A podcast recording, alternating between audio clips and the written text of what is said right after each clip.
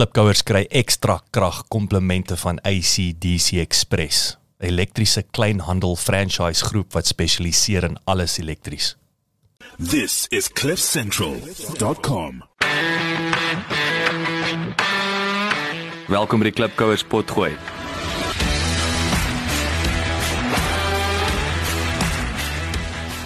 Klipkouers waar ons elke week met Afrikaner entrepreneurs en impakmakers gesels ten einde die beste praktiese besigheids- en lewensadvies met jou te deel.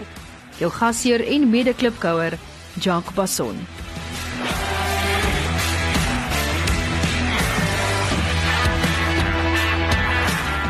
Hallo Klipkouer. Welkom by nog 'n episode. Dankie dat jy hier is. Dankie dat jy daai dier data uh gebruik het om uh om te download um en te luister. Dis nogal vreemd. Ek is nou ek was nou 'n bietjie weg gewees met vakansie verlede week. En um natuurlik ek's besig om 'n pipeline hier op te bou buffer. Ek probeer ten minste 5 weke se onderhoude vooruit doen. Maar met die gevolg is dit voel vir my om met ek elke week onderhoud uit uitbring, praat ek elke week met jou. So maar nietemin ek was bietjie weg gewees. En ehm um, ek het laas vir jou genoem dat jy weet Suid-Afrika ek ek speel toergids, ek wys my kinders 'n bietjie die land. En verlede week het ons die geleentheid gehad uh, alhoewel die kinders was nie saam nie. Ek en my vrou Chrisna was die eerste keer uh van dit my laity Christian uit 11 geword intussen uh wat hy gebore is wat ek en sy vir meer as eendag alleen weggegaan het. Uh, so dit was heel interessant. Ehm um, en toe ons Bosveld toe, net aan die ander kant Tabazimbi en 'n boomhuis. Ja, 'n boomhuis. Dit was was interessant toilets buite, showers buite, so dit was nogal 'n vrye oomblikke. Ehm um, maar nietemin heerlik geweest om 'n om 'n deel van die land te sien. Ek kan verstaan hoekom al die Pretoriaaners en en die manne hierbo so 'n liefdesverhouding het met die Bosveld, maar dit was dit was heerlik geweest en uh ja, soos die ouens vir julle ouens wat in die Bosveld uithang, die sterre is by verre die hoogtepunt. Uh en dan praat ons nou nie van die dier nie, maar in elk geval, ek is uh ek is vars, ek's reg vir die laaste 2 maande stoot na die einde van die jaar toe voor ek die strand gaan aanval in Hartenbos. Maar in elk geval, so vandag is vir my uh is nou interessant dat ek nou binne 'n maand met my my tweede insurance ou of versekering ou gesels maar wat hierdie ouens interessant maak en uh, dis so ek's bevoorreg om in die land te kan wees om om om jy weet en ook met uh, en ek gaan die man nou voorstel om met hierdie ouens te kan gesels wat ongelooflike start-up is maar ook 'n uh, incredible disruptive start-up. Um, is en ek dink ek sal hulle opsom waarmee hulle besig is en dit ek het actually net gister my nuwe blogpost my naweek nadink wat uitgegaan het. En ek beklemtoon in die heeltyd en ek gaan die heeltyd aan daaroor is dat hoe maak jy die wêreld 'n beter plek terwyl jy rand verdien? En ek dink dit hierdie ouens kan goed opgesom word en 'n val in daai kategorie. Hulle maak die wêreld maak Suid-Afrika 'n beter plek terwyl hulle 'n rand genereer. So dit is vir my heerlik om in die ateljee te hê. Ernie North, een van die co-founders van Naked Insurance. Welkom. Dankie Jacques, dis lekker om hier te wees. Uh hier in die uh fancy Cliff Central Studios. En dis 'n voorreg om met jou te kan praat man. Dis 'n dis 'n lekker maar uitdagende avontuur wat entrepreneurskap is. So ek is ek sien uit om met jou daaroor te chat vandag. Maar nou kom vinnig vinnig Naked. Hierdie het niks met stripklubs te doen nie en julle gaan julle is nie hippies wat kaal werk toe gaan nie. Nee nee nee, ek ek dra ek ek dra my jean werk toe, moenie worry daaroor nie. En ehm um, kyk as jy as jy ons Google moet jy nie ophou tik net na naked. naked nie. nie, Jy moet net seker jy moet net gedissiplineerd wees om aan te hou tik en naked insurance te soek. Moenie moenie Daar's baie ouens wat nou skielik nuwe versekerings Ja, moenie moenie moenie as soek. as Google vir jou iets voorstel nadat jy naked getik het, moenie daarvoor val nie. Hou aan tik. Ons is Naked Insurance. Ehm um, nee, ons het niks met niks met liggaamsdele uit te waai nie. Ons is ons is gewone gewone karversekering. Ehm um, die naam Naked beteken obviously net uh, iets diepers oor wie ons is en waarvoor ons staan. En dit is net dit dit het ek gou-gou agtergekom toe ek jou bietjie meer met jou begin gesels het in Swan is net it, it's business stripped bare. Ek dink en dit is vir my so 'n cool naam actually dat daar's niks wat weggesteek word met wat jy doen en ek dink daal klaar kan die kan die klipkous verstaan julle hoekom ek nou net gesê die ouens maak uh jy weet die die die, die wêreld 'n beter plek. Maar voor ons wegspring met hierdie interessante uh, uh, uh, produk en diens wat julle hier lewer, die disrupt soos ek sê disruptive wat wat natuurlik baie spesiaal is, dink ek. Um val in die versekeringsindustrie. Vertel die klipkous 'n bietjie meer van jouself. Wat wat waar het jy groot geword? Die hele ding, wat het jy geswat? Ek bedoel jy is in en uit in al die versekerings. So gee ons 'n lekker bietjie vleis om dit. Ja man, ek is ek is een van daai ouens wat maar 'n uh, 'n 'n lekker kinderjare gehad het. Ek het uh groot geword en gebore, groot geword, geswat daar in Pretoria. En ehm um, nie te groot dramas nie, bietjie stout nou en dan, maar nie te groot dramas of groot probleme nie. Regtig my kinderjare geniet. Uh soos enige laaitie wat maar daar in die, in die skaduwee van Loftus groot word, het ek uh enige enige sport met 'n bal het ek het ek geniet en probeer. Ek was nie baie goed met enige een van hulle nie, maar ek het ek het hulle almal probeer en dit baie maar, geniet. Maar is dit nou ook uh, die tye wat ek bedoel ons kom uit 'n generasie uit of jy jy het nie 'n keuse gehad Verseker. of jy met jy Nee, sal deelneem. Nee, verseker en ek bedoel daar ek, vir vir my om daar selfs in uh om Affie se 9de span rugby uit te dra. Daar's elk elk elke game is belangrik. Elke game is belangrik. So soos ek sê, ek was nie ek was nie partikulêr goed met sport nie, maar ek het dit baie geniet en en hulle almal probeer. En tussendeur maar met die met die akademie ook maar aangegaan, nie nie waves gemaak nie, maar wat vir my interessant was is dat ek het die lotto het vir my mooi geval dat om een of ander rede het ek van die begin af agtergekom dat wiskunde is net vir my kom net natuurlik na my toe. Ek was in die gelukkige posisie dat ek hoef nooit te geswat het of my huiswerk te gedoen het met wiskunde nie want dit het net Ek wil net sê ek wil net vir jou sê jou bliksem. Ja nee, ek is kyk, wel soos ek sê, ek bedoel jy jou talente is maar op verskillende plekke. Ek het in die, ek het in die 9de span rugby gespeel. So Maar maar jy het maar jy het, jy het gesit en TV kyk terwyl jy Ja, ja, ander so ek- eerste span manne sukkel met die wiskunde. Ek was gelukkig dat die dag voor wiskunde eksamen hoef ek nie te swat nie, want die ding het net na, natuurlik na my toe gekom. Die nommers het regtig net altyd na my toe uitgespring. Ehm um, so Is jou dit- jou ouers wiskundig of nie vreeslik nie, nee, nie vreeslik nou nie. Dit was interessant dat ek het ek ek toe nou na die tyd bietjie met my oupa gepraat. Hy's 'n ingenieur en hy's baie wiskundige en so maar maar ek bedoel selfs as ek na my na my na my boeties en my sussie kyk, hulle is nie verskriklik wiskundig nie. So die ding het net vir my om een of ander rede het die nommers het net reg het na my toe uitgespring. Mm. En en dit was toe baie obvious. Ek het redelik duidelike raad gekry by almal en dit was ek stem toe saam dat dat vir my om na skool te gaan swat om 'n aktuaris te word. So ek het my graad klaar gemaak by Tikkies uh, in aktuariël. Hoe groot rol, ekskuus, ek gaan- jy weet ek val ouens gereeld gereeld in die rede. Hoe groot rol het want ek onthou twee goed van as as daaroor aktueel gepraat was. Jy weet back in the day. My want my vrou het dit ook geswat natuurlik, net so terloops. Is ehm um, ouens hulle mors met wiskunde. Wiskunde mors nie met hulle nie, nommer 1 en hulle maak baie geld. So is, was daai 'n groot uh aantrekkingspunt of of of gaan jy net ek bedoel want die, die ouens maak baie geld. Ek bedoel is nie 'n uh, uh, uh, Ek moet vir jou sê ek het ek het dit dit dit was vir my belangrik om om iets te gaan doen. Ek, ek het gehou van die idee om iets te gaan doen waar jy aan die einde 'n sekere beroep is. Jy eindig nie met 'n algemene BCom graad en jy moet net maar jou jou potjie gaan skrob nie. Ek het gehou van die idee daarvan dat as jy klaar is met universiteit, is jy 'n dokter of 'n ingenieur of in my geval 'n aktuaris. Die die die geld is regtig nie ek ek het die dit het vir my gevoel dat my my natuurlike aanvoeling vir wiskunde is so obvious dat dit is eintlik maar alkeuse wat ek dit is dit is ek geniet dit dis my passie um, ek raak opgewonde om 'n om 'n woordsom voor my te sien so dit was dit was die obvious ding om te doen ek het uh, ek het dit regtig baie geniet ehm um, en is nou interessant dat jy praat oor oor om die geld te maak as 'n aktuaris ek het toe nou toe ek klaar maak as 'n uh, klaar maak op universiteit kort daarna begin werk en al my raadseksamens geskryf. Gelukkig genoeg om om waar is jy toe nou? Waar het jy gaan toe, toe werk? trek ek dadelik Johannesburg toe. Okay. So toe begin ek werk by 'n by by die Johannesburgse tak van 'n groot uh, internasionale herversekeraar, Okay. 'n groot Duitse maatskappy.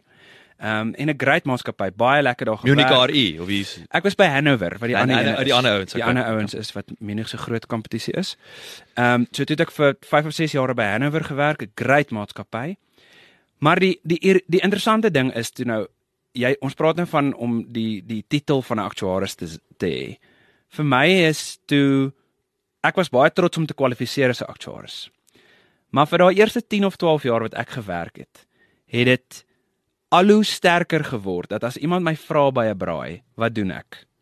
Het ek een of ander verskoning uitgedink, maar nie gesê ek werk in versekerings nie. Ek het altyd iets een of ander storie gesê oor ek's 'n wiskundige wat met finansies werk of waarskynlikhede en allerlei sulke nonsens. En dan tipies het die ou maar aanbeweeg want ons iemand anders wat interessanter is by die braai. Wat ehm um, maar dit is net vir my interessant hoe ek hoe langer ek in versekerings gewerk het, hoe meer het ek verstaan hoekom mense nie daarvan hou nie. Mm. En ek het ongelukkig gesien aan die binnekant hoekom die stelsels opgestel is om daai slegte naam van versekerings net al hoe erger te maak. Hoekom en, hoekom dit so werk? En die slegte naam, soos ek dink die meeste van die klubkouers sal reeds weet, dit is die ouens maak dit vir jou moeilik as die pop op die fan strike of hulle betaal nie uit nie of jy dit is net hmm. tande trek ten einde uitbetaal te word. Dis iets waarmee ons waar sonder ons nie kan nie. Jy moet dit hê want want dis dis absoluut uh jy sit jouself in 'n baie groot risiko en en jy jy dis 'n onverantwoordelike finansiële besluit om nie versekerings te hê nie. Maar tog voel meeste van ons, "Jog, dis baie geld om te betaal elke maand." En dan hoor mense so baie stories van hoe hoe dit tande trek is en hoe een of ander small print op bladsy 73 nou maak dat jy nou nie gaan betaal word nie of die tipe ding. Dis net dis net 'n industrie wat keer op keer hoor mense as jy iemand vra hoe hulle daaroor voel, het het meer mense slegte stories as goeie stories. En dit was dit was vir my 'n moeilike situasie om in te wees want ek het geniet om die wiskunde te doen, maar ek het al hoe meer geleer hoekom hoe versekerings die model agter dit wat eintlik net daar is om ten koste van die kliënt die wins van die versekeraar meer te maak. En en dit was vir my 'n moeilike situasie om goed te wees in daai wiskunde wat vir daai versekeraar geld maak, maar hmm. die binne is ek nie eintlik trots op wat op wat die produk aan die aan die aan die gemeenskap en aan die publiek bied nie. Weet jy daai jy in in en ek verstaan wat jy daar sê ek sal gou vir jou 'n storie vertel. Um in in my koöperatiewe uh, loopbaan iets wat gebeur het wat ek 'n groot geveg met my vrou oor gehad, maar ek sal nou by uitkom. Maar jy het iets aangeraak van daai stelsels en ons het ons het ook daaroor gesels. Jy weet, ek sê altyd, ek dink selfs met weet ek praat van groot farm, hy die evil corporations en is evil versekerings. Maar ek herinner my vrou ook gereeld. Die gemiddelde ou wat vir so 'n maatskappy werk, staan nie op in die oggend en sê, "Hoe gaan ek vandag iemand skroe en, en of 'n beter evil plan uitwerk nie." Verseker, hy het 'n job wat jy regtelik nou net ons ook gesels het, hy het 'n job om te doen en hy het 'n bonus aan die einde van die jaar of hy moet iets doen om my job te hou mm. en dis wat hy op fokus.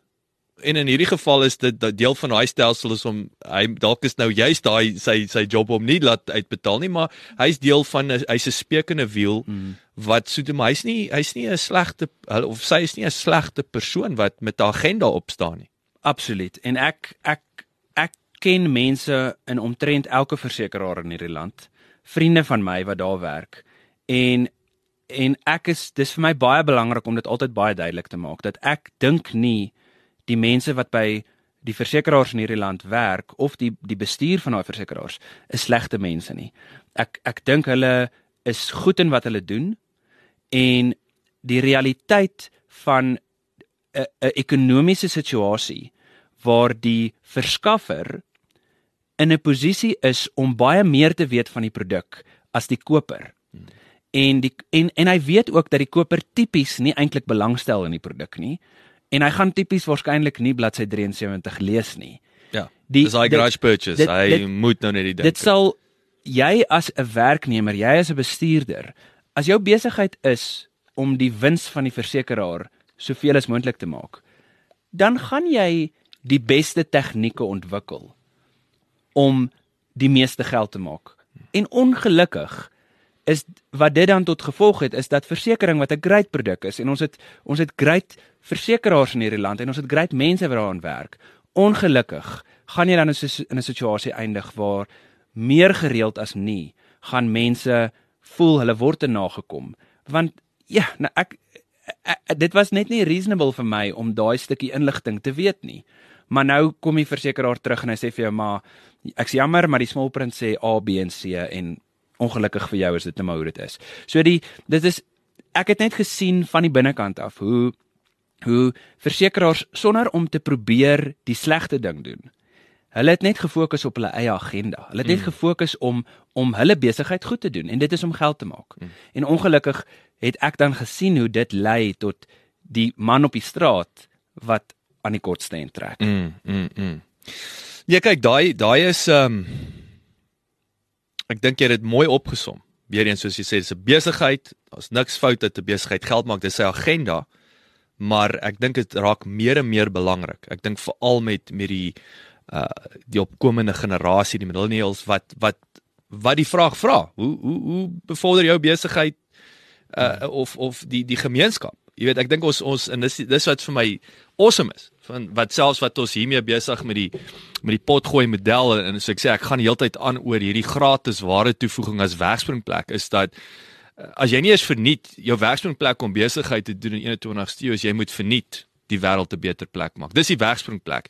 Nou het ek die voorreg om 'n verhouding met jou te bou. Nou is ek 'n verhouding met jou het nou het ek die die reg of die voorreg nog steeds om te sê hey hier's 'n produk wat jy belang. Mm versus tradisionele as ek sê advertensie drukke ding in jou keel af of in hierdie geval nou ook.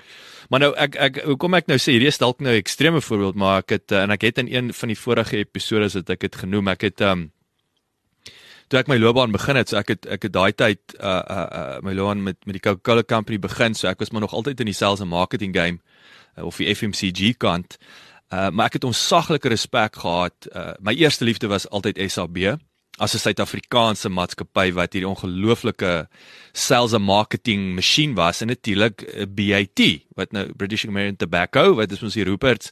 En ek het ook onsaglike respek het pelle gehad wat bemarking af was maar selfs drank. Dit was drank sigarette en in suikerwater en bier. Is my jy weet ons daai hele eh, ongelooflike bemarkers maar ehm um, so toe later toe kom uh, ek sal dit nooit vergeet hier dis ook dis die tyd wat ons net vir ons die land verlaat het daai tyd 2004 ehm um, 2003 toe kom Philip Morris in die land aan wat se grootste handelsmerk is Marlboro. Ja. Die grootste dink sigaret handelsmerk in die wêreld is. En uh yes ek was so opgewonde en so soveel sodat ek toe deur 'n hele paar rondes is met met Philip Morris want ek wil vir die bemarker werk en my vrou sê vir my jy gaan jy is verantwoordelik jy gaan mense mense gaan dood van sigarette. Jy weet en ek kan onthou in my kop was dit nee ek worry nie is jou keuse of jy sigarette wil wil rook. Ek ek ek het hierdie job ek sien hierdie incredible kreatiwiteit en goeders. En daai is net dis hoekom ek sê ek's baie sensitief om om om of bewus dat dis ou word nie wakker in die oggend te sê ek wil vandag help dat iemand doodgaan aan longkanker nie terwyl ek vir Philip Morris werk ja. nie. Jy weet dit niks nee, daar jou, niks aan met As jou werk is om daai ding te bemark dan dan kan jy goeie goeders uitdink en kreatiewe planne mee opkom en jy kan goed wees in wat jy doen. Ja. Ehm so. um, dis vir my interessant dat dat ek dink ons is in 'n ongehoorde era van waar mense 'n stappie terugneem en sê maar hoekom bestaan hierdie organisasie? En en ek ek ek dink die nuwe generasie gaan meer bevraagteken of hulle gerieflik is of hulle gemaklik is met waar waaroor 'n 'n organisasie reg gaan en waar hoekom hulle reg bestaan. Ehm um, en en en ek, en ek dink dit gaan dit gaan van toepassing wees vir die mense wat daar werk, maar ook van toepassing wees vir die verbruiker, op die mense wat by hulle koop en en vra maar is ek gerieflik om 'n besigheid te ondersteun wat A B en C doen. En ek ek bedoel nou die sigarette is nou 'n ekstreem voorbeeld. Ek is nou nie ek is nou self nie 'n roker nie, so ek is ek Kyk, dit gaan mense gaan dood. Dis 'n ja. realiteit. Versekering gaan mense nie ja. dood per se nie, jy weet. Versekering maak daarom nie mense dood nie. Ehm um, en soos ek sê, ek ek ek ek bedoel ek het ek het ongelooflike respek vir van die aktuarisse in hierdie land wat bekend staan wêreldwyd as van die beste aktuarisse in terme van die strategie wat hulle gebou het om versekeringsmaatskappye se wins so hoog as moontlik te maak. Nou daai kan daai van daai tegnieke net om jou vinnig te sê sluit in hoe om daai aanvanklike ehm um, pryse uit te werk. Hoeveel moet ons jou vra wanneer jy join? Maar van daai tegnieke wat wat van ons aktuarisse in Suid-Afrika van die beste in die wêreld mee is, is hoe om die strategie te bou vir hoe behandel jy 'n kliënt deur die leeftyd wat jy hom het? Met ander woorde, as hy nou vir 'n jaar of 2 by jou is, vir sekere ouens is dit die fair premie increase is sê net maar 7%. Inflasie. En sê net maar die- daai ou rye kar wat wat wie, waarvan die parte het wel met inflasie opgegaan en so. 'n Ferrari. Dan dan dan moet nee, Ferrari is bietjie meer. Ver- Verseker ouens sê kom ons sê net maar die fair increase is 7%. Okay. Maar wat wat die wiskundige modelle wat gebou word sê dat vir sekere ouens sal jy stupid wees om vir hom 'n 7% increase te gee, want as jy vir hom 'n 12% increase gee, gaan hy gaan hy dit aanvaar. Hy gaan nie bel nie. Soos prysdiskriminasie. So, hoekom sal jy vir daai oue 7% increase gee? Geef hom 'n 12% increase. En wat so wat daai die die wiskundige modelle wat gebou word is hoe tree individuele mense op as jy vir hulle op 'n sekere manier behandel. So as jy vir hom 'n 8% increase gee, gaan hy gaan hy ongelukkig wees, gaan hy bel of gaan hy dit net los. En op daai manier kan jy besluite neem wat wiskundig gedryf word om hoe om jou individuele kliënte te te behandel. Maar die die hoofdoel is ir onafhanklik van wat die regte ding is om vir daai kliënt te doen. Mm. Die enigste vraag is wat is die ding Ons wat hoe kan ons Hoe kom ons die maksimale maksimum wins uit daai kliënt maak? So dis ongelukkig dat dat dat jy en jou chommy wat langs jou sit teoreties presies dieselfde premie increase miskien moet kry, maar jy kry 12% en hy kry 10% want hulle weet op 12% sal jy nie bel nie. Ehm um, maar op 10% sal hy nie bel nie, maar op 12% sal hy wel bel. Dis baie Ja. interessant. So ek bedoel daai is as jy as jy nou vir 'n aktuaris as 'n as 'n as 'n wiskundige, as 'n wetenskaplike daai probleem gee. Dit is 'n droom. Ek bedoel dit is so 'n interessante probleem om op te los. En ek blameer nie daai mense dat hulle daai somme doen nie. Ek ek ek de, as daai as daai data daar is en jy het die breins om daai somme te doen, doen daai somme. Ek ek ek dink dit is grait dat hulle dat dat besighede so scientific geword het. Ons het net begin besef, maar iewers moet mense die lyn trek. Iewers moet mense sê maar die feit dat hierdie tannie op 12% waarskynlik nie gaan inbel nie. Maar ons weet eintlik 7 of 8% is fair. Ons gaan nie vir haar 12% aan. Ons gaan vir die regte dit dit voel vir my op 'n stadium moet 'n besigheid sê, maar wat is die regte ding om te doen? Mm. Nie net wat maak vir ons die heel meeste wins nie. Mm, mm. En die en die en die regte ding die regte ding inteendeel. Ek het gisterand 'n boek wat ek besig is om te lees. Die regte ding is meeste gevalle maak vir jou meer geld. Ja. Ek het die voorbeeld, ek weet nie of jy van Chick-fil-A Nee. in Amerika weet nie. Nou ek het uh, daai tyd toe ons ek het baie tyd in Texas spandeer. O, En ja. Chick-fil-A is 'n is 'n Bible Belt takeaway. Hulle is die chicken version van McDonald's. Okay. Hulle fokus net op hoender. 'n Christelike organisasie, is die grootste ehm um, uh, weet privately owned in Amerika. Ek dink hulle het 1000 outlets. Jy kan ook hom nie koop nie.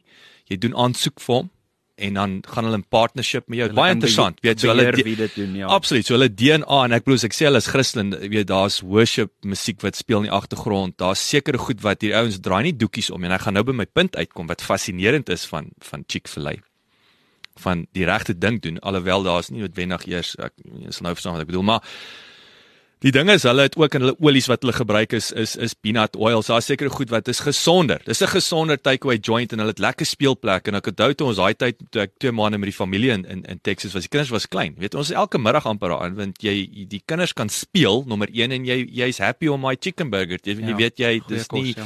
is nie gemors nie. Maar in elk geval die meeste uh, takeaway uh, uh, uh, fast food joints in die wêreld, veral as jy kyk na Amerika spesifiek, hulle maak hulle meeste geld op 'n Sondag.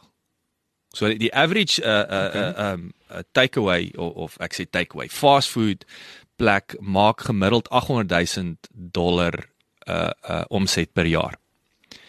Um McDonald's weet dit ook, jy weet natuurlik, so McDonald's sal hulle besigste Sondag en dan is ook waar hulle meeste van hulle staf intrek. Aan die ander woorde die besigste met die meeste mense wat werk by McDonald's is op 'n Sondag. Nou McDonald's doen 2.6 miljoen dollar gemiddelde omset per jy weet McDonald's in Amerika. Ja. En nou hier kom Chick-fil-A. Chick-fil-A weier om op 'n Sondag oop te te maak vir op vir, vir Christelike redes, maar is ook dis 'n dag van rus. So vergeet nou van die Christelike komponent, dis familie, jy moet rus een dag 'n week, is naweek, dan gat jy 4 miljoen Ja. dollar Ja. gemiddelde omset. Ja. En intedeel, hulle is ook wat ek daai tyd is interessant. Ek gisterand nou die eerste toevallig gisterand lees ek toe nou die die actual omset, maar ek ek het 'n pel wat wat ehm um, een van my ou Coca-Cola kollegas. Hy's met 'n Yank getroud. Hy het 'n Chick-fil-A Okay. in in Philadelphia. Okay. Snaaks genoeg. Ek want nou dis ek ook ek met hom kon 'n bietjie insight gesels, maar ehm um, die die die hele ding ook is uh uh uh kan ek sê die malls, jy weet jou jou jou shopping malls het in die begin het uh, hulle wou nie vir Chick-fil-A spasie gee omdat Sondag die besigste dag is nie. Ja. Tot hulle agtergekom het, Maar dit jy- maak nie saak dat die Chick-fil-A Ja, toe is nie. Hulle hulle hulle gaan daai dis hulle het 'n meer consistent model. Maar nietemin, maar daai is vir my die regte ding doen Ja. in terme van familietyd, rus Ja. eendag 'n week en die resultate En die kliënte respekteer dit. Ek dink ek dink 'n ander voorbeeld wat ek jou wil vertel, Jacques, ek bedoel jy jy host nou hierdie um hierdie show om om entrepreneurs aan te moedig en goeie goeie lesse te leer en en entrepreneurskap uit te brei. Dis ironies dat um 'n uh, 'n voorbeeld van 'n besigheidsles is as jy 'n kliënt het wat 'n konvensionele besigheidsles is as jy 'n kliënt het moet jy vir hom so lank as moontlik hou en soveel as moontlik geld uit hom maak. En een van die gevolge daarvan is jy moet dit moeilik maak vir hom om weg te gaan. Hy moenie jy moenie jy moenie jy moenie dis vir hom- lifetime value, ja, né? Jy moet vir hom jy, jy moenie die deur openlik vir hom oopmaak nie. Mm. Bro en, en en ons almal kan of meeste mense sal kan terugdink aan die voorbeeld van hoe as hulle al as jy al ooit probeer het om jou versekerings te kanselleer. wat wat dit behels. Nou Is dit moontlik? dit is ek, ek ek ek sal nie ek sal nie op rekord gaan om te sê dis onmoontlik nie Maar is dit grens maar aan dink- dit? Ek dink mense kan met my saamstem dat dit dat dit moeilik is. Nou wat ek wat ek baie spesifiek wil uitwys. Op die een kant is hoekom is dit moeilik? Want dit is net daai beginsel. Mo- Moenie dit maklik maak vir jou kliënte om te loop nie, want jy maak mos wins uit hulle. So jou kliënte moet blou, moet bly. Maar die dieper beginsel daar is ehm um, soos wat ek nou vroeër gepraat het oor hierdie 6% versus 12%. 'n Besigheid wat weet sy kliënte kan net loop as hulle met jou praat En met ander woorde, jy gaan altyd 'n laaste kans hê om hom vir hom 'n alternatiewe offer te maak. Daai besigheid moet mos hoër charge as wat die fair premie is. Want want die dag as die ou wil kanselleer omdat hy ongelukkig is met sy premie, dan bied jy net vir hom 'n laer premie aan. Hm. So uit beginsel uit het ons toe gesê toe ons naked bou en ons sê dis karversekering wat jy op jou slimfoon doen sonder dat jy ooit met 'n call center praat.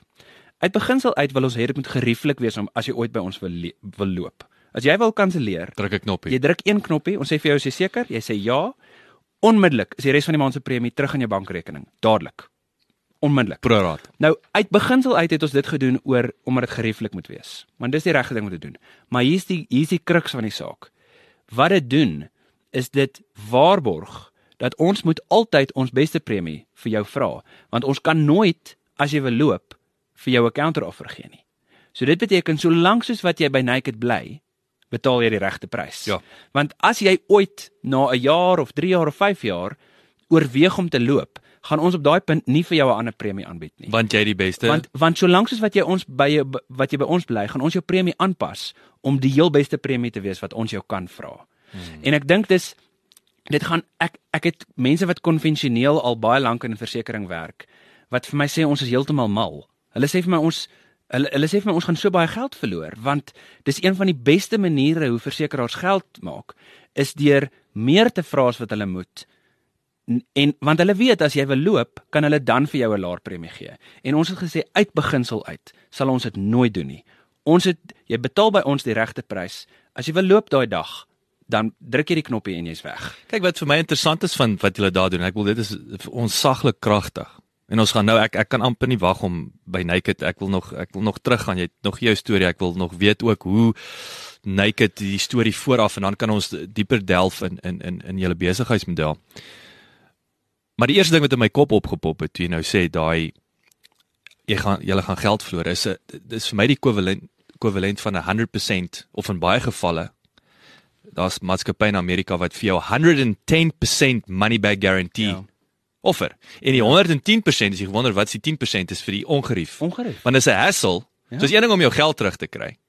Maar dis 'n pyn in die gat om dit weer eens te gaan kanselleer of wat ook al. Exactly. So so julle in in in ouens sal ek sê 100% money back. Ja, ouens gaan jou rook. Ouens gaan of 110%. Ja, die ouens sê nee, daar's altyd twee poepolle. Ja. En dit is so, maar weet jy 98% van ouens gaan dit sien vir wat dit is en dit en dit is 'n kragtigere retensiestrategie. Ek love die nuwe generasie van besigheid. Ek love dit dat dat mense gaan begin om al hoe meer om die regte ding te ondersteun en en te sien besighede wat die regte ding doen en wat bestaan vir die regte redes. Uh ek is ek is baie opgewonde oor hierdie nuwe generasie. So jy het nou by braaie as jy wiskundige, jy skaam so en en is dis ook ek bedoel dis dit is dit dit sê ook iets van van hoe jou kop werk nie wat ook hierdie hele journey wat jy nou hier by Naked het. Jy ooit het jy kom ons kyk hoe het Naked hoe dit ontstaan? Jy weet so, so wat het daai en dit voel vir my dis amper soos 'n self-fulfilling prophecy nê? Jy kry skaam vir wat hier aan die gebeur is hou nie van wat hier aan die gebeur is nie. So ek neem aan daar was 'n sy van jou mm. in jou kop van ek wil iets hier omtrent doen. Mm, nee, verseker. En ek het in ek ek het saam met twee van my kollegas wat wat twee van my baie goeie vriende geword het, het ons toe op 'n stadium in 'n konsultasiebesigheid gewerk wat ons verlang omtrent aan al die versekerings in die land, meeste van die grootes, ehm um, vir hulle werk gedoen het en hulle gehelp het om hulle besighede beter te maak en So julle kon die in julle die insights gejulle gekyk. van al die ouens. Nou nie Sure. al die al die ouens nie, maar meeste van Meeste, ouens. die groot En ehm um, en ons drie was saam in daai konsultasie besigheid. Hulle twee was actually die twee basse in die konsultasie besigheid. Ek was die kippie. En ehm um, en ek het op 'n stadium vir hulle gesê, hoorie boys, ek het genoeg gehad. Ek ek kan nie ek kan nie meer 'n werk doen waar ons besighede help om hulle geld te vermeer, maar die kliënt kry nie 'n beter deal nie. Ek kan nie meer deel wees van hierdie nie. En ek sê toe vir hulle ek gaan nou ek gaan 'n breek vat. Ehm um, 'n Sabbatical. wel ek het dit toe dit was toe nie 'n sabbatical op die ou en nie want ek het toe ek het deels van my ek wou 'n bietjie uit Gauteng uitkom ook. My hele familie was uh, was daar in die, in die in die tuinroete Mm. en ek wou toe vir 'n ruk lank bietjie daar gaan bly. En ek het toe 'n geleentheid om saam met 'n 'n klein versekeraar daar binne in die versekeraar te werk en hulle te help om bietjie hulle stelsels oor te bou en so. En ek sê toe hierdie twee kollegas van my dat ehm um, gedeeltelik weens familieredes wil ek bietjie in George gaan bly. Ek voel ek wil bietjie uit die stad uitkom. Ek lo ek love Joburg, maar ek wil bietjie uit die stad uitkom. Maar ek moet ek moet uit hierdie corporate uit. Ek moet uit hierdie uit hierdie stelsel uit. En ons drie sê toe vir mekaar, kom ons maak 'n commitment. Die volgende keer as ons weer saamwerk, dan doen ons nie werk om 'n bestaande versekeraar te help beter maak nie. Ons bou 'n nuwe ons bou 'n nuwe besigheid van scratch af. Mm. En wat toe gebeur is ek dink toe in my kop, okay nee, ek gaan nou vir 'n paar jaar George toe en whatever.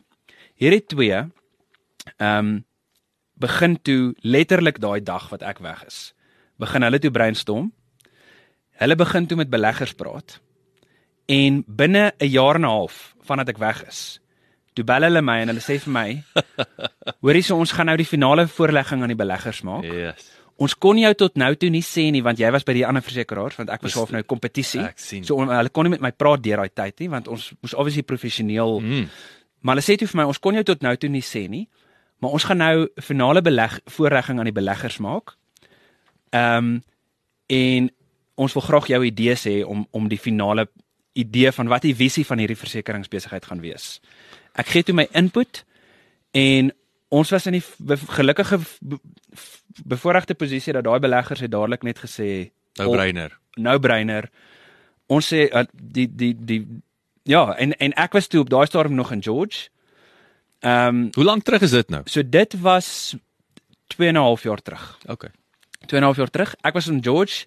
Ek sê toe dadelik vir die ou in George, hoorie, dankie vir die geleentheid dat ek bietjie by jou kon werk, maar my groter droom was nog altyd om met hierdie ander twee van scratch af 'n besigheid te bou. Ehm um, dit het vinniger gebeur as wat ek gedink het. Hulle twee het hulle het die, het het mense geken in die industrie, hulle het die regte beleggers geken. Ehm um, toevallig die beleggers uh, in ons besigheid is dieselfde is dieselfde mense wat Nando's uh Nando's se beleggers is en Spier Wynplaas. Hy het ou. So so dis nogal 'n lekker groep hulle. Hulle is nogal lekker ouens. Mag julle verniet by Nando's eet Ons- en en, en ek- spierwyn drink. Kan jy glo, ek het hierdie besigheid gebou en tot vandag toe nog moet ek nog betaal vir Nando's, maar ek werk daaraan. Ek werk daaraan.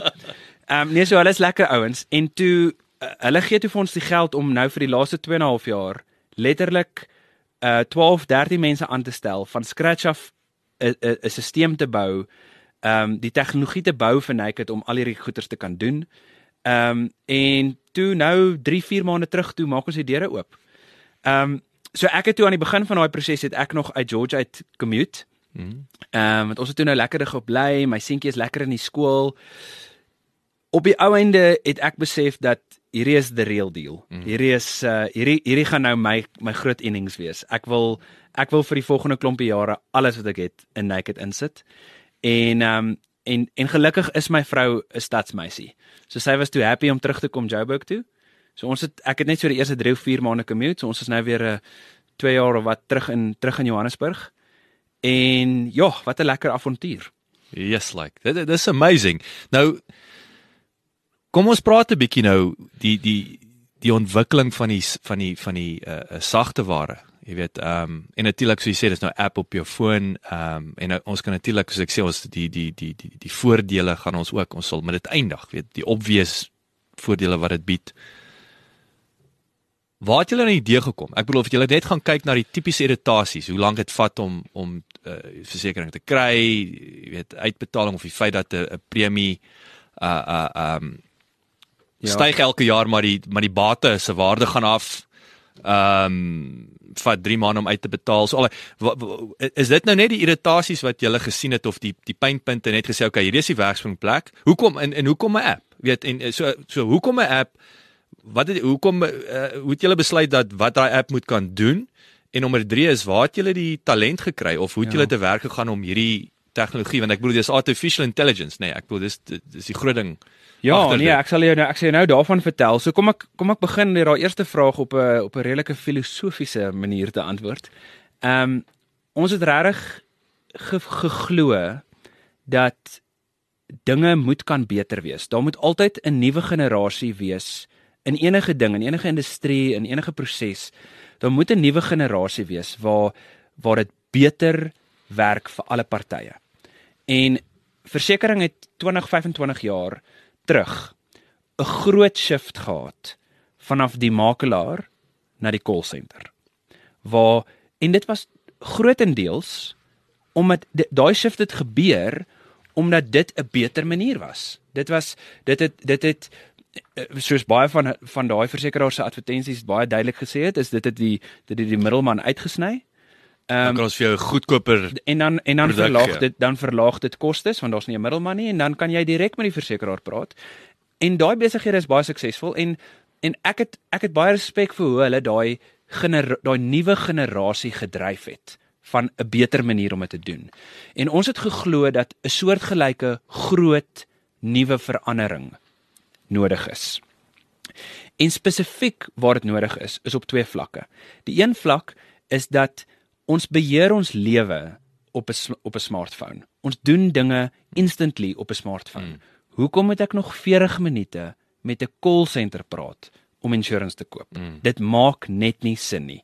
En ek bedoel daar was ouens wat wat begin het om om bietjie te werk aan internet solutions. So daar was ouens wat nou nou kan jy 'n kwotasie doen online of jy kan na 'n aggregator toe gaan en jy kan 'n 'n 'n 'n indicative premie kry en so maar die punt is jy gaan nog steeds nie daai ding koop sonder om vir 40 minute met die call center te praat nie. Dit dit dit da- daai besighede eh, werk almal so en hulle struktureel dit is hoe hulle is. Hulle kan nie anders te nie. Ons het besef as ons ons stelsel van scratch af bou met die met die primêre doel dat die kliënt beheer het in sy hand dat hy onmiddellik dinge kan doen dat hy dat daai ding onmiddellik binne 90 sekondes vir hom sy premie gee. As hy hou van daai premie, dan druk hy die koopknoppie en dis dan. Dis klaar. Hy praat nooit met enige iemand nie. Ons het besef dat dat dit 'n soortgelyke groot shift is. Want die res van die wêreld, alle ander industrieë werk so. Jy doen dit op jou smartphone. So hoekom moet versekerings anderster wees? En wat wat ons besef het is dat die die voordeel daarvan is dat die kliënt nie so frustreerd is nie. Hy hoef nie vir 40 minute op die call center praat nie. Maar dit het, dit bring ook verskriklike kostebesparings. Mm. So in dieselfde dis ironies dat die dat dieselfde argumente wat 20 jaar terug gebou is, gebruik is vir ons moet die koste van die middelman uitsny. Het ons nou na 'n nuwe level toe gegaan en gesê maar ons moet die koste van manual prosesse uitsny. Ons moet die koste van die ou wat aan die ander kant sit en met jou praat op die call center uitsny. En ons moet die koste van die finance team en die ouens wat manually jou premies collect en die finansies doen en die goeder rondskryf, ons kan dit alles uitsny. Ons bou 'n stelsel waar die stelsel slim genoeg is om baie slimmer met data te werk en alles is letterlik automated. Daar's jy, jy koop die ding en eh, niemand van ons is betrokke nie. Die, die geld gaan in en uit die bankrekening as jy as jy die knoppie druk om te kanselleer, dan gaan die geld uit die bankrekening uit. Die papiere word gegenereer.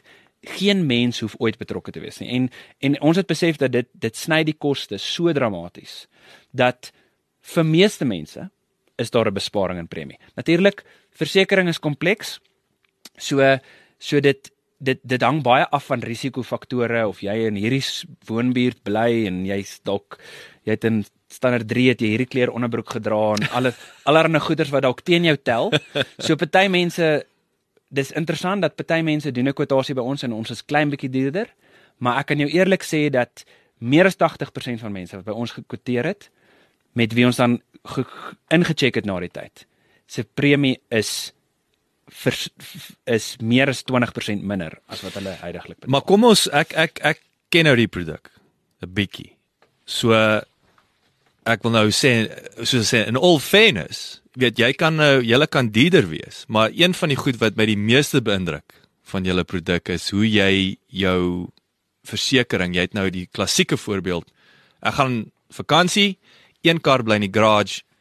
Ek druk 'n knoppie en die versekering word die premie word gehalveer of die dekking Ja. ja. die risiko verminder, is ek reg? Ja. En daai besparing word onmiddellik verseker. terugbetaal. Ons ons bly in ons ons ons leef nou in 'n era waar jy moet net betaal vir wat jy gebruik. ja. So as jou kar stil staan, dan sure daar kan nog iets met hom gebeur. So ons dek jou nog steeds as hy stil staan vir slegte weer of iemand breek in en steel die kar of selfs iemand ry in hom vas, ry deur die garage deur in jou hmm. vas of of jy parkeer hom by die by die by die lughawe en iemand stoot 'n trolley in hom vas. Ons dek jou vir al daai. Maar as jy nie met hom bestuur nie, dan staan hy stil. So as jy daai een knoppie druk, onmiddellik refund ons jou omtrent helfte van jou premie. Dit hang af van persoon tot persoon, Ja, maar vir ja, meeste ja, mense is ja. dit min of meer helfte. Onmiddellik refund ons jou daai helfte van jou premie. Jy kry daai geld terug in jou kredietkaart onmiddellik. Die kar staan daar, hy is gedek en as jy weer wil ry met hom, druk jy een knoppie en dan charge ons jou weer vir die res van die maand daai helfte da- daai gedeelte van die helfte. Ek ek dink as daai dit is interessant. Julle is nou nog nog weet is nog jonk, maar ek dink enige ou wat wat al betaal jy 20% premie, ja. jy en jy moet gaan kyk die tyd wat jy nie die kar gebruik nie. Ek sal nie verbaas wees as jy nog steeds hoëskys gaan jy gelyk breek, maar ek dink daar sal nog steeds dalk 'n 5% besparing Verseker. wees aan aan aan die einde van 'n 12 maande periode. En ek dink dis ek dink dis tot 'n mate is dit 'n finansiële oorweging vir mense. Ja, hulle kan geld spaar daarmee, maar dit's ek ek dis nogals interessant vir my hoe hoe baie mense ek sien wat net eh, die idee daarvan dat jy in beheer is. Die idee daarvan dat jy Ja. nie dekking het vir iets waar waar daar nie risiko is Ja. nie.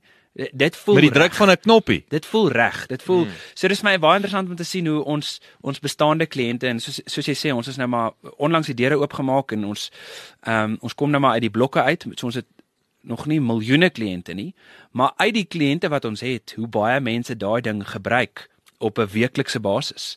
Ons het een ou wat wat laas maand 23 dae het sy kar stil gestaan.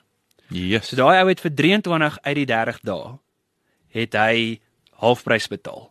yes. Ek bedoel daai Ek ek ek's mal oor. Daai is honderde rande wat daai ou gespaar Ah, het. ek's mal oor. So dis 'n lekker, dis lekker en is lekker om mense dit terug terugvoer te sien soos hulle soos hulle die produk gebruik. So so kom ons kom. Bo, hierdie is is kragtig en natuurlik kom ons kom ons raak sommer aan die aan die aan die die groot ding. Wil ek sê wat wat hierdie teweeg gebring het is is wanneer die pop op die fan strike. So jy wat ons ook gesê dis mos mm. juist waar die ouens geld mm. maak oor die algemeen is om dit nie almal nie, om dit moeilik vir jou te maak om om om om uit te betaal. Of is gekompliseerd die prosesse om uitgebetaal te word. Julle het julle het 'n diefstal gehad of een van julle kliënte. Hoe lyk julle uitbetaal tyd? Ek weet julle is jy was baie trots op dit versus ja. die industry average. Ja, ek was ek bedoel dit vir meeste mense dit- en en dis verstaanbaar 'n versekeraar moet deur die proses gaan as jou kar gesteel is om om seker te maak daar's nie fraud nie en seker te maak daar's niks van die business nie. So vir vir vir, vir meeste versekeraars totdat jy daai kontant in die bank kry, e- ek sal verbaas wees. In die voorbeelde wat ek al gesien het, is ek verbaas sal ek verbaas wees as iemand vir my kan wys hoe hulle minder as 2 maande tot jy kontant in die bank kry. Meeste voorbeelde en en en so weet soos ek sê, dis nie omdat hulle lelik is nie, dis net omdat hulle hulle doen hulle werk, hulle maak seker. Ons was nogal trots toe uh toe die eerste ou wat 'n groot wat 'n groot diefstal by, wat 'n diefstal by ons gehad het en hy het sy uh, sy Hilux was 271000 en hy het daai 271000 11 dae nadat hy gesteel is, het ons in sy rekening betaal. Ja. So ons ons ons voel dat dis dis baie grand om te praat oor hoe vinnig jy by ons kan koop en hoe maklik dit is om jou cover te switch en geld spaar et cetera. Dit gaan oor eise. Dit gaan mm. alles oor eise. En en dis natuurlik waar ons fokus gaan wees. En dis op twee dimensies. Die een dimensie is die, is die tegnologie. So ons gaan aanhou druk om soveel as moontlik die tegnologie te gebruik om dit vinnig en maklik en Akkuraat. en, en akkuraat te laat doen. Ehm um, so byvoorbeeld ons kan 'n windscreen claim deur al die fraud algorithms run in minder as 10 sekondes. Dat ons minder as 10 sekondes weet ons ja, hierdie ou is legit. Ons stuur 'n boodskap aan ons aan ons mannetjie op sy uh, op sy skooter en hy kom na jou toe. Binne 10 sekondes kry hy 'n boodskap wat sê ja, hierdie claim is approved. Uh kontak hierdie ou, maak 'n afspraak, ry met jou skooter na hom toe, gaan maak hy windscreen reg. Sjoe. Ehm um, en vir mense om om daai terugvoer te kry van waar mense dink o, maar hulle het gedink dit gaan nou dit gaan nou 'n dag of 'n week, ten minste 'n week of wat vat om en dan gaan hulle moet inry na PG Glass toe whatever. Nee nee nee. Ons ouetjie klim op sy skooter. As hy die ding hulle ding moet vervang, dan sit hy 'n windscreen agter op die bakkie. Hy kom na jou toe. Kom maak hy windscreen volgende dag reg. Ja, ja. Ehm um, so nee, eise is waaroor dit alles gaan en en eers wanneer ons groot is, gaan dink ek gaan die momentum van hoe lekker dit, hoe maklik dit is om by ons te eis en hoe vinnig dit gebeur. Ek is amper ek is amper skrikkerig om dit om nou daai belofte te maak want mense hoor so baie advertensies van versekerings. Mm. Ek is amper skrikkerig om daaroor te praat want ek is so opgewonde dat sover ander promise ons en mense is elke keer net uit die veld geslaan oor hoe vinnig ons dit doen. En ek is opgewonde dat as daai momentum begin optel, dan dink ek hierdie ding gaan 'n groot storie wees. Maar kom die die die die die die laaste ding uit wat julle anders doen. En hierdie is vir my die belangrikste. Wat doen julle met julle winste? En ek wil hierdie is hierdie is 'n ander ball game wat julle en hoekom het julle aan dit? So gee my 'n bietjie meer vleis So oor. so die die hoofrede hoekom ons besluit het om struktureel 'n anderster finansiële struktuur te hê wat agter ons besigheid sit is om daai situasie aan te spreek wat ek voorgesê het dat 'n mens wat in die kleinste departement werk is nie 'n slegte ou nie. Maar as die versekeraar se wins afhang van of jy daai eis betaal, dan verander dit die ballgame. En ongelukkig sit dit daai ou dan in 'n slegte posisie. En dit is hoekom ons gesê het ons wil wins maak. Bro, ons is 'n besigheid Ja, ja. wat moet wins maak en ons het ons moet salarisse betaal. Maar ons wil hê ons wins hang net af van hoe gelukkig ons kliënte is. En hoe meer kliënte ons kan kry en hoe langer ons hulle kan hou, hoe meer wins maak ons. Ons wins hang nooit af van of jou eis betaal word nie. So prakties hoe dit werk is dat ons definieer dat ons kan net 'n sekere persentasie van al die premies wat in 'n jaar inkom. Ons mag net 'n sekere persentasie van daai premies hou. En en en ons het die ons het die regskontrakte geskryf om ons eie hande af te sny. Ons kan nooit weer ons kan nooit meer wins maak as dit nie.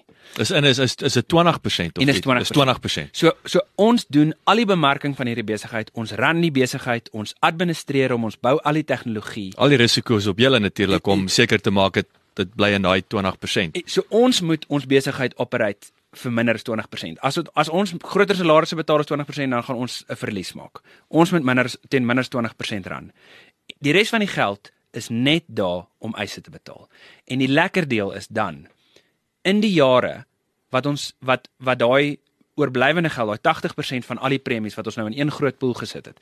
In die jare wat daar geld oorbly, het ons 'n legal kontrak geskryf waar ons al daai wins moet ons aan Suid-Afrikaanse gemeenskappe en charities en goeie causes uitbetaal.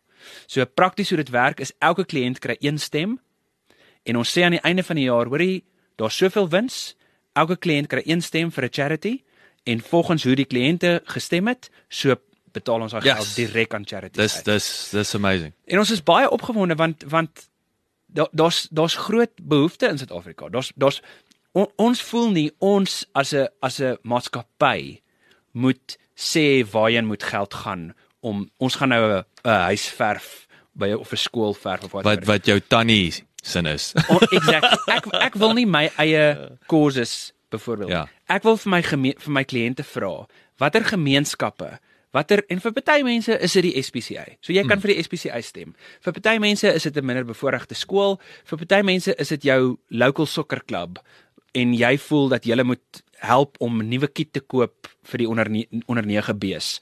Wat ook al dit is, jy kan stem vir enige iets wat non-profit is.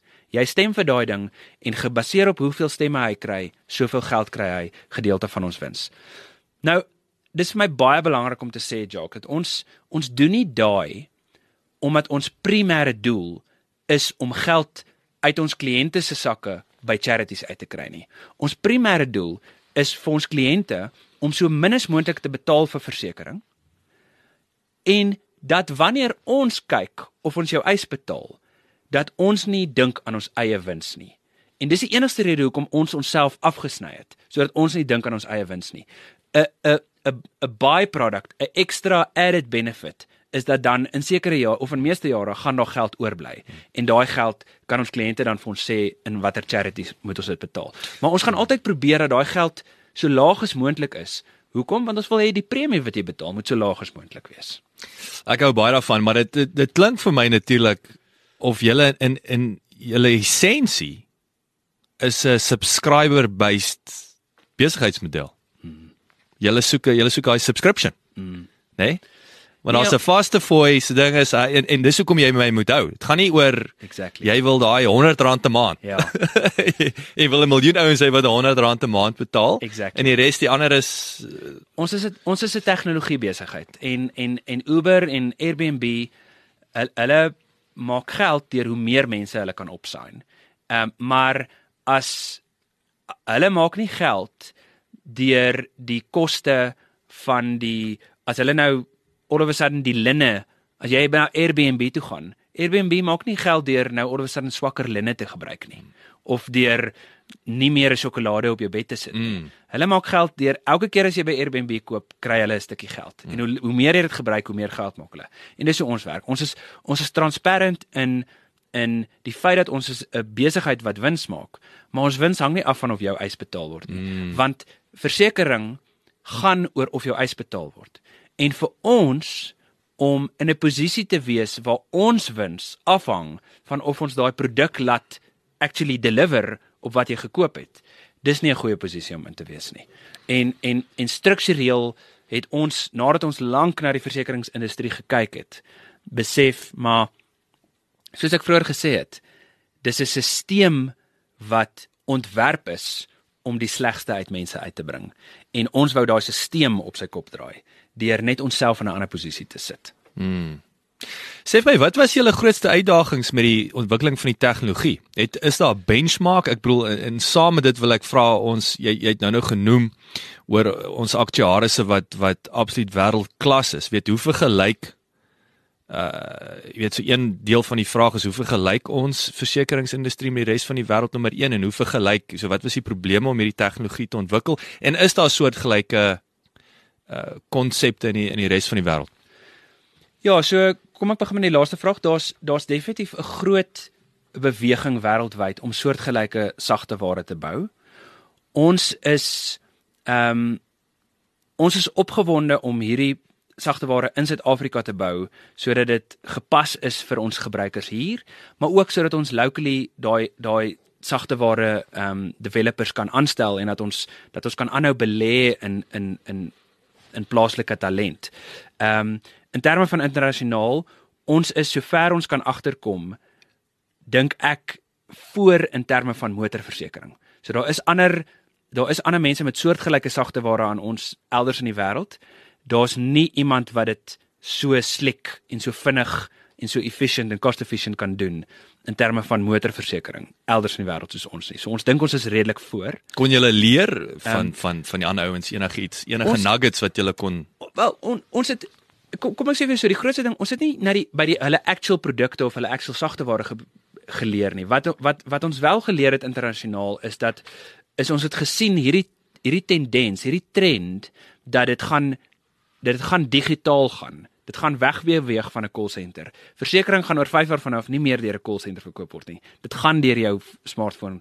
Die feit dat dit internasionaal gebeur het, het dit vir ons makliker gemaak om locally vir ons beleggers te sê, hoorie, julle moet in ons belê of daar ander ouens gaan internasionaal kom en hulle gaan kom dominate. en en al die soos ons sê al die winste gaan gaan terug gaan Amerika. uit uit uit, uit die so, uit land. So dis die tyd om in Suid-Afrika te belê is nou.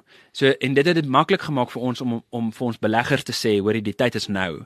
En hulle het daai storie hulle het ingekoop op daai storie. En mm, mm, mm. so dit het dit maklik gemaak. Die grootste uitdaging vir ons is dat ehm um,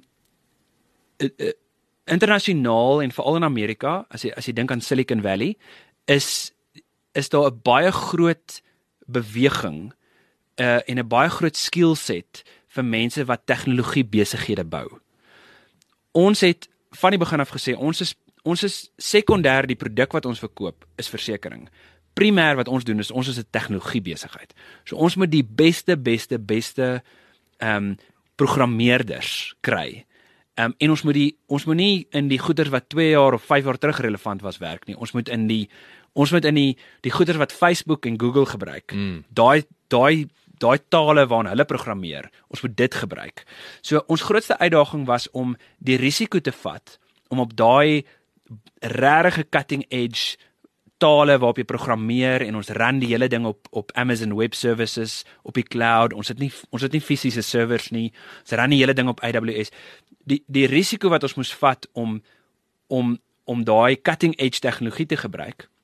En wat dit, dit wat dit beteken het is dat daar was baie min mense in Suid-Afrika wat actually ervaring gehad het om met dit te werk. So ons was ge, ons was gelukkig dat ons het aan die begin 'n 'n sterk span van 2 of 3 programmeerders gekry wat wat ons confident gevoel het hierdie ouens natuurlik ons het niks ge-outsource nie, outsource nie. Ons het dag 1 daai ouens gesê, hier is jou salarisse. Hier is jou hier is jou stukkie aandeel in Naked. Ek bedoel jy, jy moet vir 'n ou albei gee. Dis vir my 'n beginselsaak. So vandag een af vir die ou gesê hier is jou salaris, hier is jou stukkie aandele in Naked. Jy werk vir ons voltyds. So daai daai goeie ouens gekry aan die begin en toe wat ons daarna gedoen het is ons het baie jong ouens ingekry wat nie die ervaring gehad het in ons sagteware nie, maar soos wat die tyd aangaan, hulle tel dit vinnig op. En hulle dit groei hulle groei saam nou nou beweeg hulle saam met En met, nou met hulle ontwikkeling. gaan ons in 'n in 'n nuwe fase in waar dis lekker ons ons beleggers het onlangs vir ons gesê ons bro ons is op die oomblik net karversekering. Ja, ek wou dis my volgende vraag. Wat wat hoe lyk die toekoms? Ons ons is aggressief besig om om om te mik om voor die middel van volgende jaar die volle pakket te verkoop. So die gebou, huis, inhoud, jou selfoon, jou mountain bike, whatever, alles hoop ons om teen die middel van volgende jaar. So ons beleggers het nou vir ons 'n uh, 'n ekstra stel belegging gemaak sodat ons daai span nog kan uitbrei. Ehm um, en en dit is dit gaan net in in developers in. Ons wil net die stelsel bou om die kliënt nog meer in beheer te sit dat dit self kan doen. Maar dis 'n dis 'n challenging journey en ek bedoel die ander deel van daai uitdaging is bro ek het nou my agtergrond gegee dat ek is 'n ek is 'n aktuaris, ek's 'n wiskundige. Ehm um, ek, ek is nie ek is nie 'n tech ou nie. Ek is nie 'n IT ou nie. So van die van ons almal wat in die besigheid is, is ek amper die ou wat die minste weet wat aangaan in die besigheid. Ek verstaan hoe die produk werk, maar ek bedoel ek kan nie die ding programmeer nie. En dis dis 'n dis 'n dis 'n moeilike journey om op te gaan om 'n besigheid te bou waar jy moet ouens vertrou, jy moet die regte ouens Ja, inkry. jy's 'n tegnologie besig. en en ons is 'n tegnologie besigheid. En as deel van die leierskap van hierdie besigheid verstaan ek, Ek dink dis tegnologie. baie min van die tegnologie. So dit, maar dis dit is dis gelukkig was een van my kollegas wat ook 'n aktuaris is. Hy is eintlik 'n tegnologie ou ook. Maar soos ek sê, ons was gelukkig met die jong ouens wat ons ingebring het wat regtig topklas is. Sjoe. Dit is is werklik 'n inspirerende storie, maar ek wil net vinnig aanraak en ek ek sien die tyd het ons ingehaal. Jy weet hierdie hele ding van die call center wat wat vir my interessant is wat ek wat ek onlangs ehm um, en natuurlik uh, dit maak vir my sin ek ek onthou toe ek ek dink nou 2 jaar gelede amper give or take 'n week wat ek ingevlieg het eh, spesiaal om met ek het daai tyd gedink ek gaan 'n deal kan doen met verseker. Ehm um, maar ek het die eerste keer toe in Otto and General se hoofkantoor ingestap en ek was geskok toe ek al die mense op die telefone sien en ek het toe later en soos wat ek nou 'n bietjie meer die versekeringsmaatskappye hier in Suid-Afrika gesien het en goeters toe kom ek agter maar 3 kwart van daai spasie is hulle se call center en dit was my skrikwekkend. So aan die een kant kan jy nie dink dat jy die massiewe kantore het wat actually maar net ouens wat op die foon is heeltyd hmm. huisves nie. So en, hmm. so dis ironies om te dink dat 'n makelaar het meer gekos as hmm. as om 3000 ouens jy weet in 'n kantoor saam te sit. Hmm. Maar wat ek wel vir jou wil vra is in in wat ek intussen uh uh um verneem het is die ouens het agtergekom wanneer dit by besigheidsversekering kom. Uh, besigheid SME uh, eienaar like nie 'n telefoon nie. Hmm. Hy wil iemand in die oë kyk. So dit voel vir my dat semi full circle gekom wanneer dit by besigheidsversekering kom. Kan jy kan jy sien dat hierdie en dis actually my vraag. Kan jy sien dat hierdie tegnologie sal werk meer na B2B kant toe? Dis 'n ja, dis 'n baie goeie vraag. Ek ehm um, persoonlik dink ek nie ons tegnologie of ons besigheid spesifiek gaan in die korttermyn, kom ons noem dit in die volgende 2, 3, 4 jaar besigheidsversekering doen nie. En die hoofrede vir my daaroor is dat ehm um, ons produk werk vir motorversekering omdat die tipe karversekering wat ek nodig het en die tipe karversekering wat jy nodig het is dieselfde. Like dis dit daar daar's nie nodig om advies te gee oor hoekom ek 'n ander soort cover moet koop as jy nie. So dis hoekom ons besigheid Daai variables is ja, minder. Dis die ons besigheid wat wat waar die kliënt in beheer is op sy foon en hy hoef nie met iemand te praat nie, werk vir so 'n produk soos mm, karversekering. Mm, mm, mm. Ek wonder hoe baie besighede ehm um, is is standaard genoeg dat jy ehm um, met die call center kan praat en die regte dekking kry. Ek ek ek sien ek ek dink van die groot call center insurers is besig om goeie goeders te doen waar hulle innoverend is om vir spesifieke nis 'n produk aan mekaar te sit. En dat as jy dan as jy so 'n soort besigheid het, sê net maar hulle het 'n produk vir boere of hulle hmm. het 'n produk vir vir tandartse of whatever. En as jy dan daai as jy een van daai besighede is, dan dink ek is dit great om daai ouens te bel en en hulle sal vir jou 'n goeie produk kan verkoop, maar jy moet net nie jy moet net nie 'n special case wees nie jy moet net nie kan vir hulle sê ouma, hoor jy ek, ek is 'n tandarts maar ek het actually ook hierdie ander masjien in my in my mm. kantoor. Dis 'n one size ja, fits all. Dit is 'n one size fits all. So solank jy gerieflik is dat die die dat jou besigheid standaard is en dat die versekerings wat jy koop is one size fits all, dink ek ehm um, kan is is dit goed om kan jy dit oor die call center koop? My persoonlike opinie is dat die meerderheid van besighede is dit bietjie van 'n grys area. En daarom voel ek dat ons tegnologie is is hoofsaaklik gebou vir 'n individu om te koop, mm. nie vir 'n besigheid nie. Die one size fit, maar die ja. individu is daar is nie daar is nie grys van dit by 'n well. Nie, 90% van Jy ry 'n jy ry 'n kar, ek ry 'n kar. Die die die mate waartoe ons verskillend is, ons tegnologie kan dit optel, maar die actual dekking wat jy nodig het, is ek en jy kort dieselfde dekking en mm. dis hoekom ek dink ons ons platform werk om om individue te verseker. Sjoe. In is North Naked Insurance is heerlik om jou te gesels. Ek nog lank met jou gesels en net wel gedaan hoor. Is is regtig indrukwekkend waarmee jy besig is. En ek bedoel is min dat jy ek sien nou die wêreld 'n beter plek maar julle tik 4 bokse wat die wêreld beter maak en dan maak julle rand. Ek's mal oor.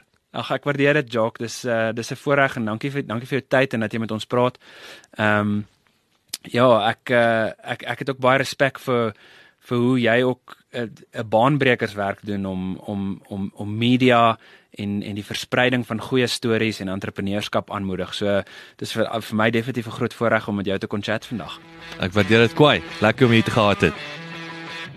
Baie dankie dat jy geluister het. Vir 'n opsomming en notas van die episode, gaan asseblief na ons webwerf www.klipkouers.com en teken sommer in terwyl jy daar is, dan kan ons jou gereeld op hoogte hou. Baie dankie.